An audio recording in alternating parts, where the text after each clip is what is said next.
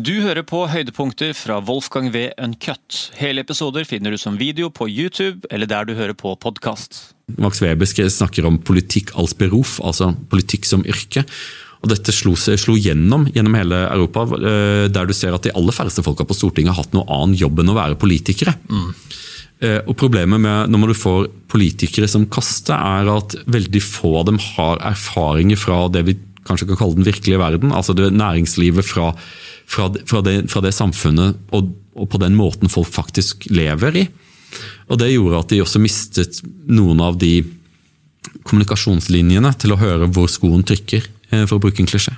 Men er det også Det må jo være en sammenheng mellom det at du også skriver veldig eh, En setning jeg hang meg veldig opp i her, som jeg tenkte sånn, at det, stemmer jo veldig. Og det er jo Vestlige ledere er gjennomgående uinspirerende eh, i dag og i, forhold til før. Eh, og det er, også, er, det også en konsekvens av at vi har fått mye større andel yrkespolitikere som i tillegg til det hele også bare er obsesst med å bli drilla innenfor kommunikasjon, ikke si noe feil. Eh, som og ikke stikke seg ut i nevneverdig grad, men være liksom dyktige, gode yrkespolitikere og som kan forsvinne ut i posisjoner seinere etter karrieren sin. Er det, er det, en sammenheng der? At disse, de her, det er veldig langt mellom de her eh, inspirerende, originale politikertypene som man har sett opp gjennom historien? De, de, jeg har inntrykk av at i veldig mange samfunn så blir de luket bort. De, ikke, de, blir, kommer ikke opp i valgprosessene. ikke sant? Og saken er at i veldig mange land så ble disse valgprosessene innad i partiene bare fullstendig rigget. altså at Ledelsen i partiet valgte hvem som fikk lov til å stå først på lista. Og den som var flink, i anførselstegn, det var, det var, type, var en spesiell type menneske. Eh, Politikere som styrer et land eller et eh, lokalsamfunn har to oppgaver. Det ene er at de skal representere byråkratiet og vis-à-vis befolkningen. Forsøke å forklare for befolkningen hvordan byråkratiet faktisk fungerer, hva som er mulig hva som er umulig. Og de skal representere folket overfor staten, overfor statsmakten. De som faktisk implementerer. Mens eh, den andre delen av dette sluttet veldig mange politikere å gjøre. Eh, de anså seg selv for å være øverste ledelse av administrasjonen og Deres jobb var å lede administrasjonen på en god måte og forklare for befolkningen hvorfor alt det de etterspurte var utenkelig eller umulig. Eh, at de ikke hadde tenkt å gjøre det. Eh, mens det kunne man kanskje da se at ville være en problematisk eh, måte å gjøre det på i et demokrati. For det, så lenge alle partier mer eller mindre førte politikk på den måten, så gikk det riktig greit. Men så begynte det da å komme spoilere i forbindelse eh, i Europa med den, det som mine akademiske kolleger kalte høyrepopulisme. Jeg har aldri vært noe særlig glad i det, pga. at det er ingen annen politisk demografi som har blitt fått merkelapp av sine fiender. Mm. Sosialdemokrater kaller seg selv sosialdemokrater. Det, ikke, det er ikke høyresiden som, har, som, er, som, som kaller dem eh, hva, hva, kunne man kalle liksom en ondsinnet eh, offentlig sektors interessegruppe eller et eller annet sånt. ikke sant? Mens, eh, mens høyrepopulistene de ble da artsbeskrevet av mennesker som aldri kunne tenke seg å stemme på dem, og som anså dem for å være fæle. Mm. Eh, og, det, eh, og, hele dette, dette, førte til at, man, at, at, at de etablerte eh, partiene eh, låste seg sammen i skulder ved skulder, og definerte i mange land da utfordrerne som fiender. Fiender av allting som var godt. Eh, og det Ikke overraskende så styrket jo det naturligvis eh, på, eh, den nye høyresiden, som jeg kaller den. Nye høyresiden er egentlig greit pga. at det er en vanvittig artsrikdom. Jeg skriver om dette i boka.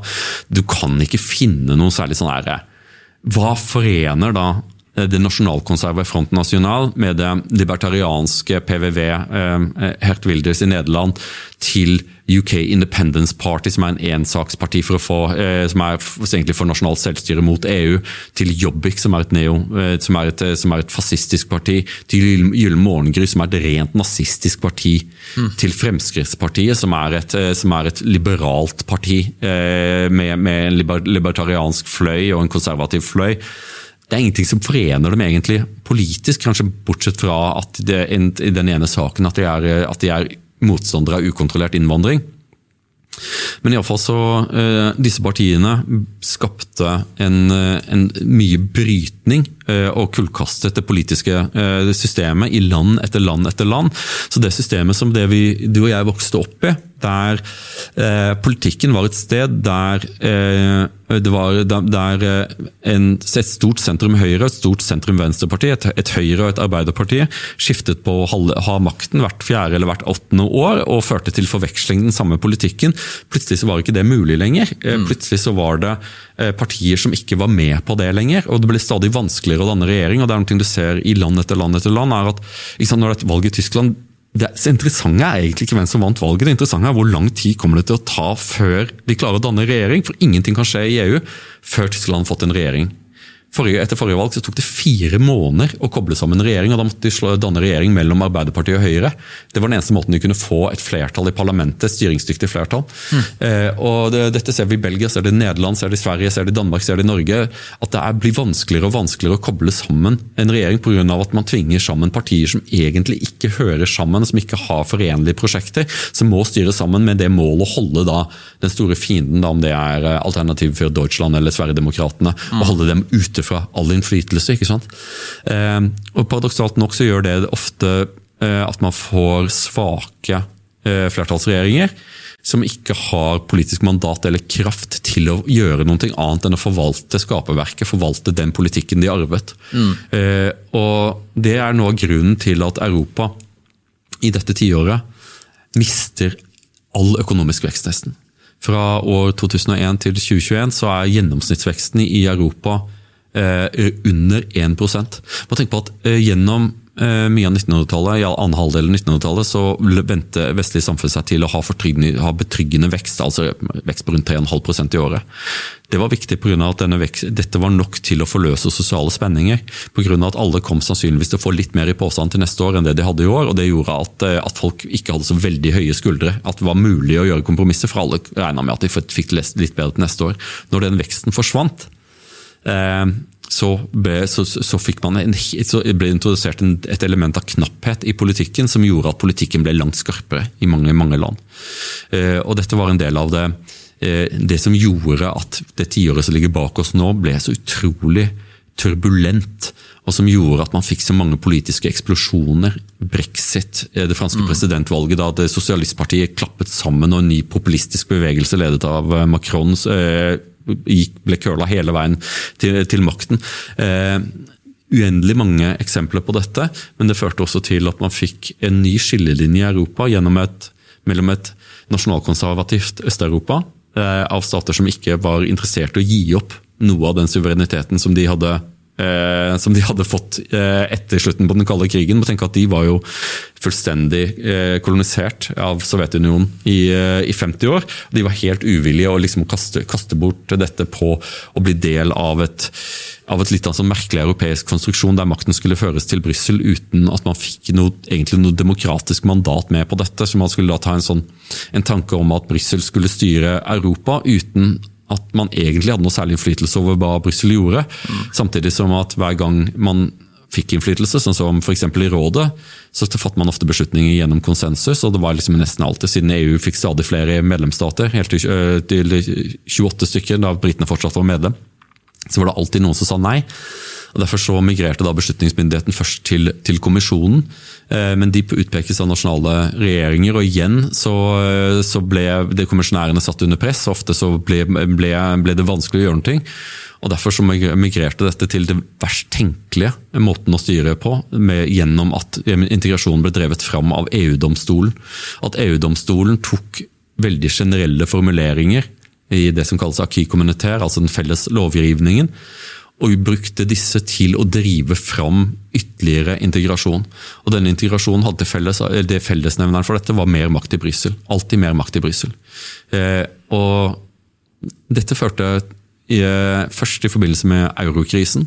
Som startet, som, I det jeg begynner å skrive, så er, så er eurokrisen i ferd med å brenne landene i Sør-Europa inne. Økonomien er i ferd med å kollapse. Eh, Hellas er satt under administrasjon. Eh, Spania, Portugal, Italia. Kjempekrise. Eh, denne eh, blir avløst Man er knapt kommet ut av den krisen før, migrasjonskrisen bryter ut. Og igjen så vendes da raseriet mot Brussel. Og Brussel igjen er uh, The Economist skriver liksom at først hadde vi eurokrisen, så hadde vi migrasjonskrisen og så hadde vi pandemien. og alle som har til felles var at Brussel for det første ikke klarte å komme i forkant av det. De bare lot som at ikke krisen var der, til det ble så dramatisk at de måtte handle, og så gjorde de feil ting. Og så The Economist, som er liksom liberalismens fanebærer i Europa, det er et kapittel om The Economist i boka, jeg intervjua noen av redaktørene der. Eh, The Economist skriver da at man må spørre seg hvor lenge et system som, eh, som, som, som, ikke klarer å treffe ballen på første forsøk noen gang, hvor lenge kan, et sånt system kan, holde, kan, være, kan, være, bærekraftig. Og Det er noe av det problemet med det Europa vi ser i dag, er at det ikke er veldig godt skrudd sammen. I alle fall ikke i forhold til å lytte til preferansene til befolkningen. Er, er det litt sånn EUs eh, Er det, en sånn, litt sånn falsk trygghet på at så lenge EU eksisterer, så kommer europeiske land til å ikke gå i, i totta på hverandre, og vi unngår eh, kanskje krig og den type ting? Er det, altså, er det Jeg har jo hørt sånn der, eh, Spetalen har jo sånn nevnt sånn, eh, som sånn kritiker av EU at det, altså det, det er topptungt, veldig mye administrasjon. Hvorfor kan vi ikke bare ha en, en europeisk handelsavtale som går på varer og tjenester? At vi må vi ha eh, hele den Eh, det enorme liksom, EU-maskineriet som skal diktere liksom, love, detaljstyre lover inni, inni forskjellige land, og som skal gjøre, liksom, homogenisere hele Europa omtrent, da, med, liksom, med like verdier. Det er jo eh, er det, er det, sånn, eh, er det et poeng at EU skal eksistere for at man skal holde fred i Europa? Er man redd for at ikke Europa greier å samarbeide ordentlig hvis ikke EU er der som en sånn stor Nei, men det, er jo, jeg, jeg, kjøper tanken om EU som fredsprosjekt. EU fikk Nobels fredspris, og det mener jeg var en riktig pris.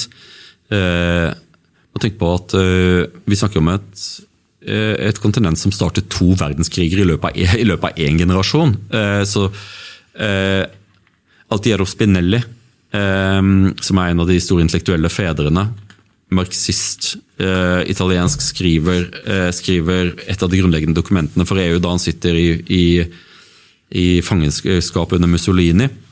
Og Han sier at vi må, vi må, utvikle en motgift mot den europeiske giften. Og Han anser suverenitet for å, være, for å være giften. Altså det at stater er selvstendige, gjør at stater eh, mistror hverandre, væpner seg og går til krig mot hverandre. Og at man må gjøre da suverenitet, selvstyre, til et knapt gode. Og han mener at den eneste måten man kan gjøre på dette, er gjennom en dedikert kadre kommunistisk tenkning, av overbeviste føderalister. Altså at eh, Disse kalles i dag den såkalte krokodilleklubben pga. en restaurant de spiser i, i Strasbourg. Eh, og Slik ble EU bygget opp som å være et system som aldri var ment å være eh, demokratisk. Tvert imot så var det ment å bygge så mange glavalag av isolasjon som mulig mellom EU, EF, EEC Eh, og opinionen for at integrasjonen skulle drives framover, pga. at befolkningen har aldri etterspurt integrasjon. Eh, dette måtte være en sånn, en, en sånn filosof, filosofkongens forståelse av at man skulle gi Europa det Europa trengte, ikke det Europa etterspurte. Eh, Norge og Storbritannia vi meldte oss inn i det vi trodde var et frihandelssamarbeid. Men så ble det uendelig mye mer. Mm. Og Det har noe å gjøre med hvordan EU ble konstruert. EU ble konstruert og hadde sin legitimitet ut ifra det at EU skulle regulere, det skulle fjerne handelsbarrierer for å kunne vokse økonomiene. Men når, man, når hele EUs ø, legitimitet ble bundet opp i nettopp det at de, reguler, uh, at de var en regulerende kraft, så hadde man da problemer med overregulering, og dette såkalte aki-kommunitær har bare vokst eksponentielt til EU har tatt det på seg å regulere massevis av ting som ikke trengs å regulere, samtidig som at man har fått en overbygning av av såkalte europeiske verdier. altså At man skal liksom også ta på seg liksom å være demokratienes overdommer. Og fortelle folk hvordan, hva, hvor, hvor, grensene er for hva som er, hva som er legitim, hva som er salongfeg politikk. Og disse grensene blir stadig trangere og trangere og trangere, til et punkt der det er egentlig bare en viss type partier som bør kunne vinne valg. Så er det problemet at den type partier, som i Norge manifesteres av partiet Venstre, altså liberale partier. Mm -hmm. Klassisk liberale, men med en litt annen rosa rand. At det er egentlig bare de som, som er gode nok. Men i valg så er det 5 %-partier. Velgerne er ikke så veldig, er, gir ikke så mye støtte til akkurat den type eh, partier. Og Det har jo skapt en, en, sånn, en merkelig politikk i Europa, der eh, EU ofte blir, blir fiendene selv ofte, ofte, for å være ærlig, også ofte grunnløst. At det har vært en bryggelknabe som der nasjonale politikere har gitt EU skylda for ting som de egentlig selv burde ta ansvar for. Men også et, et EU som ikke forsto det at med makt følger ansvar, at de har vært interessert i makten, men ikke i ansvaret. Hmm.